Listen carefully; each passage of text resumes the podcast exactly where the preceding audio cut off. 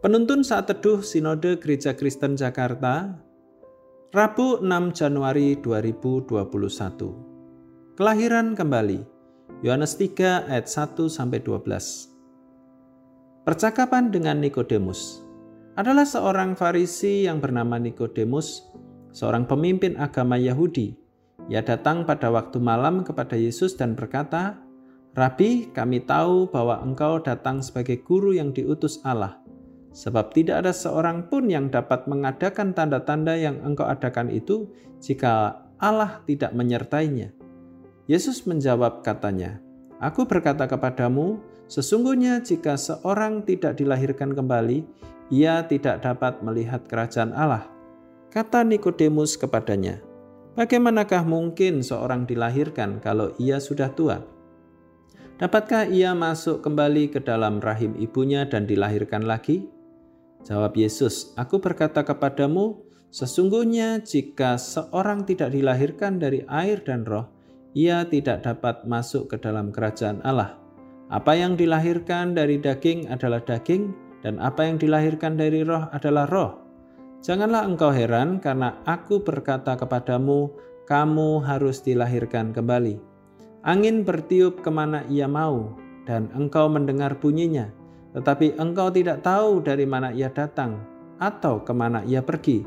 Demikianlah halnya dengan tiap-tiap orang yang lahir dari roh. Nikodemus menjawab katanya, Bagaimanakah mungkin hal itu terjadi? Jawab Yesus, Engkau adalah pengajar Israel dan engkau tidak mengerti hal-hal itu. Aku berkata kepadamu, sesungguhnya kami berkata-kata tentang apa yang kami ketahui dan kami bersaksi tentang apa yang kami lihat, tetapi kamu tidak menerima kesaksian kami. Kamu tidak percaya waktu aku berkata-kata dengan kamu tentang hal-hal duniawi bagaimana kamu akan percaya kalau aku berkata-kata dengan kamu tentang hal-hal surgawi?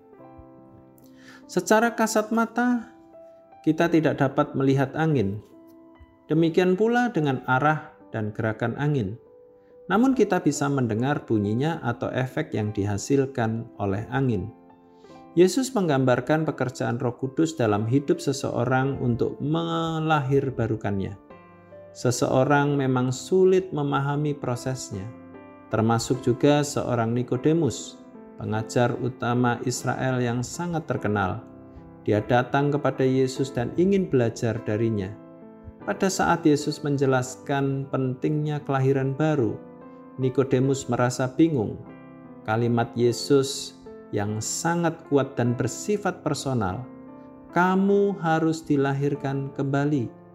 Arti yang tercakup di dalamnya adalah kebutuhan akan kelahiran baru, dilahirkan dari atas, yang mutlak dan sangat penting. Yesus dalam pembicaraan dengan Nikodemus menegaskan pentingnya kelahiran baru. Di manakah letak pentingnya lahir baru? Pertama, orang yang tidak dilahirbarukan kembali, maka orang tersebut tidak dapat melihat kerajaan Allah. Kedua, tanpa lahir baru, seseorang tidak dapat masuk ke dalam kerajaan Allah. Artinya, orang yang tidak lahir baru tidak dapat mengalami pemerintahan atau pimpinan Allah dalam hidupnya. Tanpa lahir baru, seseorang tidak dapat mengalami hidup yang kekal dari Allah.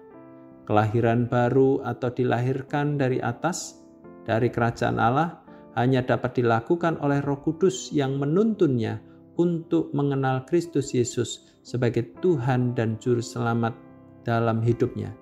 Dari sini dia akan dibentuk dan dipimpin oleh Roh Kudus untuk mengalami perubahan hidup yang semakin serupa Kristus. Apa signifikansi kelahiran baru bagi kita? Kelahiran baru kita hanya dikerjakan oleh Roh Kudus yang memenuhi kita Kelahiran baru itu menuntun kita untuk mempercayai dan menyerahkan seluruh hidup kita di dalam Kristus Yesus. Kristus menjadi Tuhan dan Juru Selamat hidup kita. Kita semakin hari dibentuk oleh Roh Kudus untuk semakin serupa Kristus. Buah kehidupan kita adalah buah kerajaan Allah, seperti yang Kristus tampilkan di muka bumi ini. Sebab itu, patutlah kita bersyukur kepada Allah menyembahnya, serta terus menyaksikan karyanya di dalam hidup kita. Kelahiran baru yang dikerjakan oleh Roh Kudus membawa kita semakin tunduk, taat, mengasihi Allah sebagai yang terutama dalam hidup kita, seperti yang ditampilkan Kristus Yesus. Kelahiran baru mutlak diperlukan dan terjadi karena Allah melalui penebusan Kristus. Tuhan Yesus memberkati kita.